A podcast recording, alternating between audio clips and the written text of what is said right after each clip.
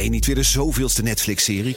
Kom naar de Monday Moves van BNR. Op maandag 18 maart zal op het podium Arend-Jan Boekenstein, Michal van der Toren, Geert-Jan Haan en Bernard Hammelburg. Ze hebben het over geopolitiek. Het is oorlog. Moeten we vechten, vluchten of bevriezen? Onder leiding van mij, Art Rooijakkers. 18 maart dus in het De La Mar Theater in Amsterdam. Check bnr.nl slash mondaymoves. Een goedemorgen van het FD. Ik ben Pauline Schuster en het is maandag 17 juli.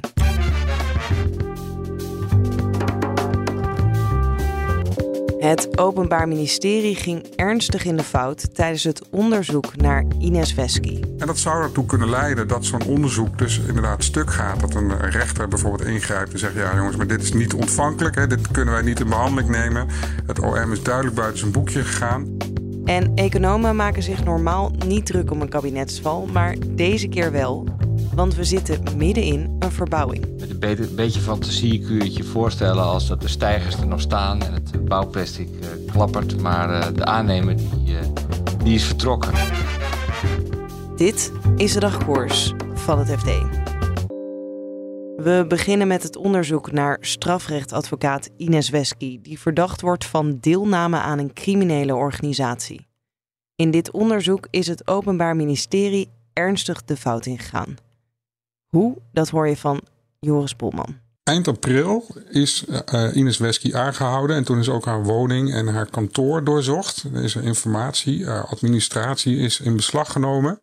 Dat is natuurlijk buitengewoon uh, gevoelige informatie. Want Ines Wesky is een uh, gerespecteerd strafadvocaat met uh, zware criminelen ook als onder haar cli cliënten. En je kunt je voorstellen dat er dus in haar administratie, ze is al bijna 40 jaar advocaat, dat daar bijzonder spannende informatie in zit. Zeker ook voor een openbaar ministerie. Alleen dan mogen ze in de praktijk helemaal niet aankomen. Dat moet getoetst worden formeel door een rechter. Uh, dus zij mogen, het Openbaar Ministerie mag niet zomaar in, een, uh, in, een, uh, in, in die informatie gaan zitten rondneuzen. Daar hebben ze altijd, dat, moet, dat moet gebeuren door een rechter, zo is dat geregeld. Het OM haalt die informatie binnen uit dat kantoor en wat gebeurt er dan mee? Dus je hebt hoe het, hoe het zou moeten gaan en je hebt hoe het hier is gebeurd. En wat hier is gebeurd is dat die informatie is meegegaan naar het Openbaar Ministerie. En vervolgens is er dus op 25 mei een proces verbaal van bevindingen opgemaakt.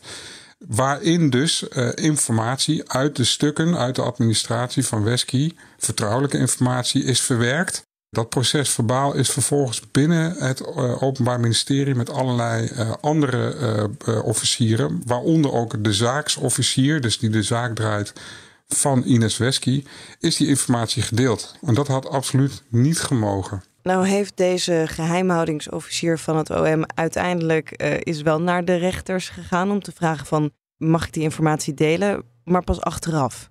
Dat klopt. Ja, hoe het is gegaan is dat op een gegeven moment op 25 mei is dat bewuste procesverbaal met die vertrouwelijke informatie is dus al gedeeld binnen de organisatie.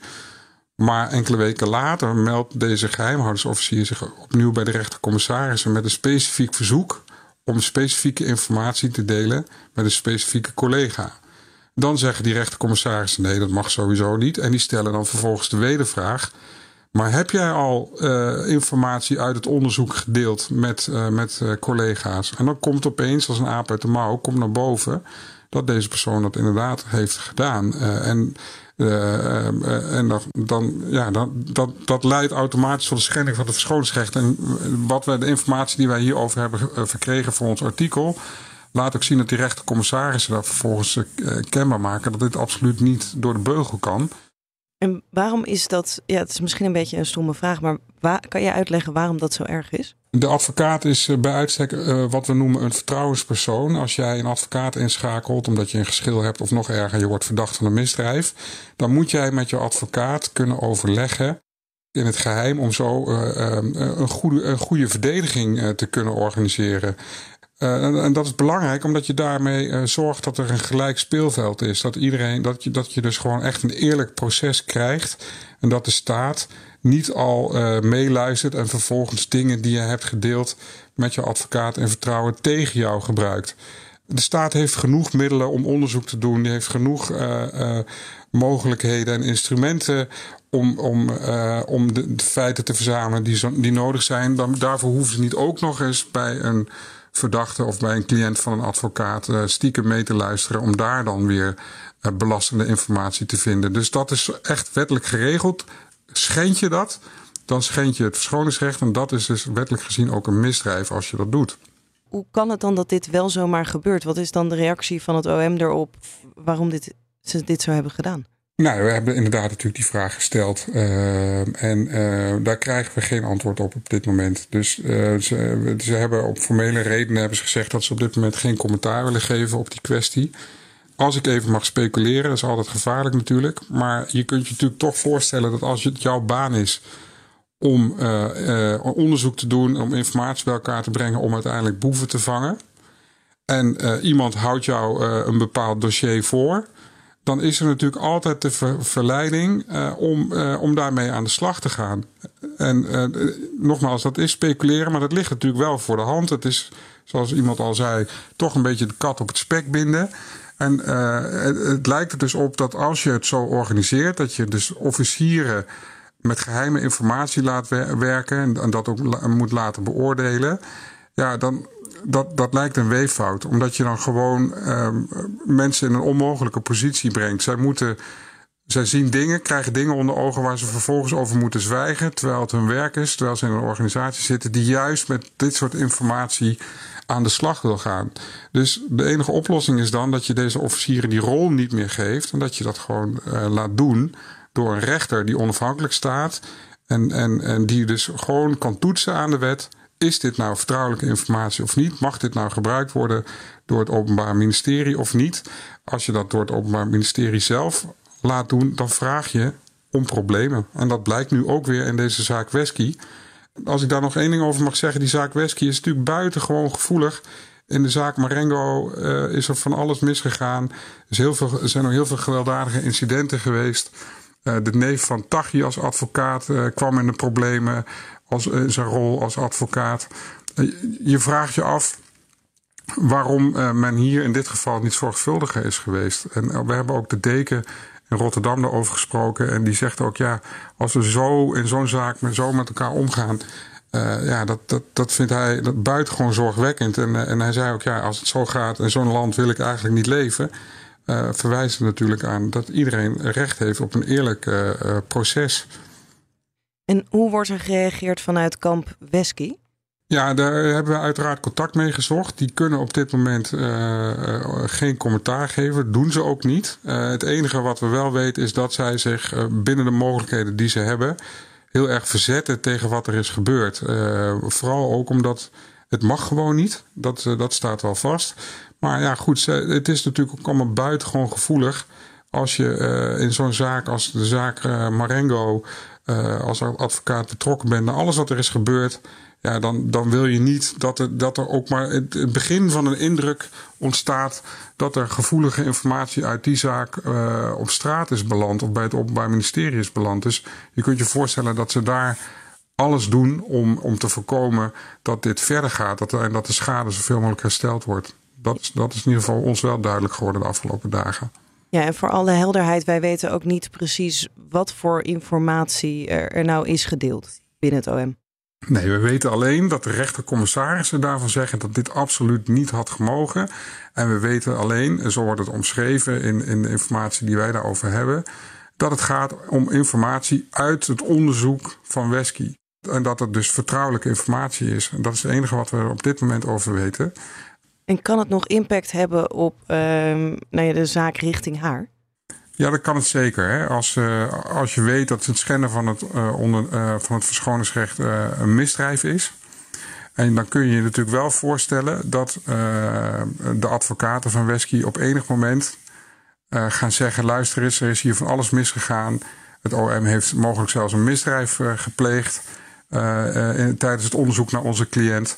En dat zou ertoe kunnen leiden dat zo'n onderzoek dus inderdaad stuk gaat. Dat een rechter bijvoorbeeld ingrijpt en zegt: Ja, jongens, maar dit is niet ontvankelijk. Hè, dit kunnen wij niet in behandeling nemen.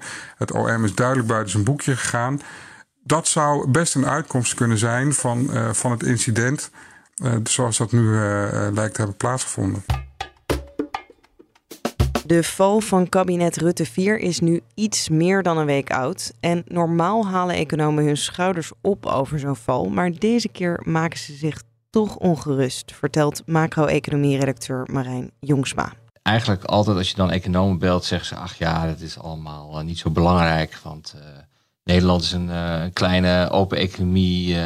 We dobberen een beetje mee over de wereldeconomie. Dus, dus als er een beurscrash is in New York of, of de rente wordt verhoogd in Frankfurt, dan is dat allemaal veel belangrijker voor de Nederlandse economie dan wat ze in Den Haag allemaal bekokstoven. Dat is natuurlijk nog wel een beetje waar. Maar uh, er is toch wel een verschil met eerdere kabinetscrisis. En dat is toch dat Nederland aan de vooravond staat van een soort uh, ja, grootscheepse verbouwing, kun je zeggen. En die verbouwing was in gang gezet door Rutte 4.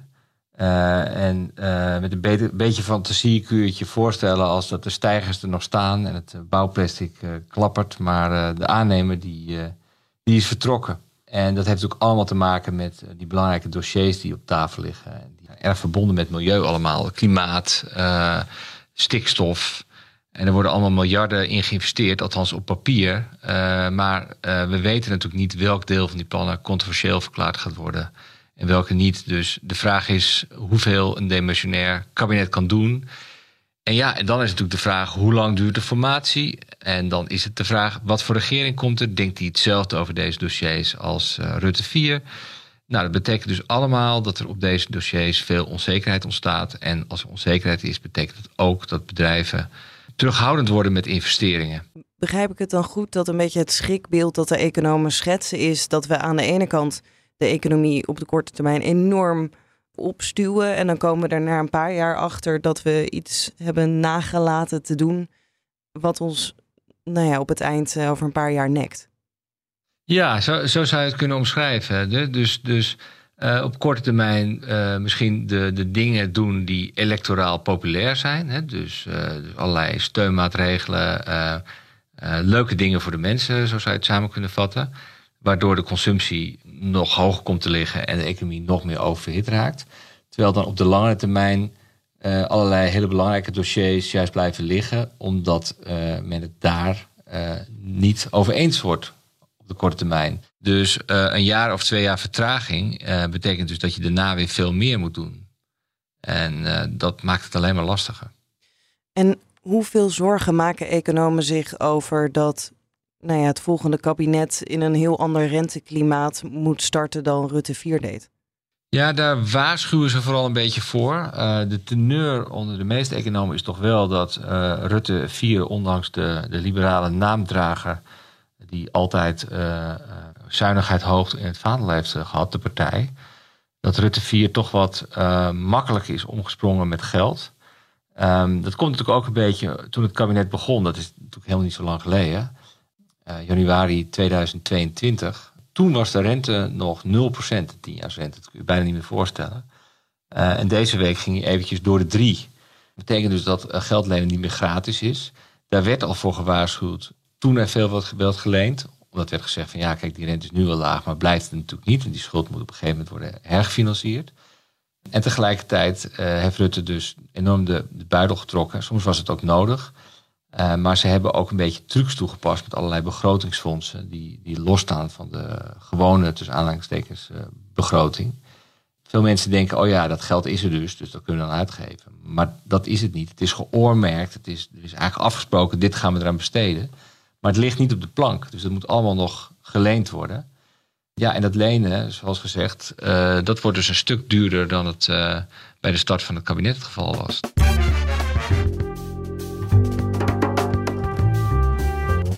Dit was de dagkoers van het FD. Morgen zijn we er weer met een nieuwe aflevering. Die krijg je automatisch binnen als je je abonneert op dagkoers. Het laatste financieel-economisch nieuws, dat volg je op fd.nl. Voor nu een hele fijne dag en graag tot morgen. Je hebt aardig wat vermogen opgebouwd. En daar zit je dan, met je ton op de bank. Wel een beetje saai, hè?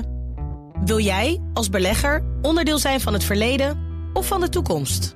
Bridgefund is een slimme fintech die een brug slaat tussen de financiële behoeften van ondernemers en van beleggers. Dus wie belegt bij Bridgefund krijgt niet alleen een mooie vaste rente, maar brengt ook ondernemers in beweging. Echt waar. Met die ton kan je zoveel betere dingen doen. Bridgefund. Make money smile.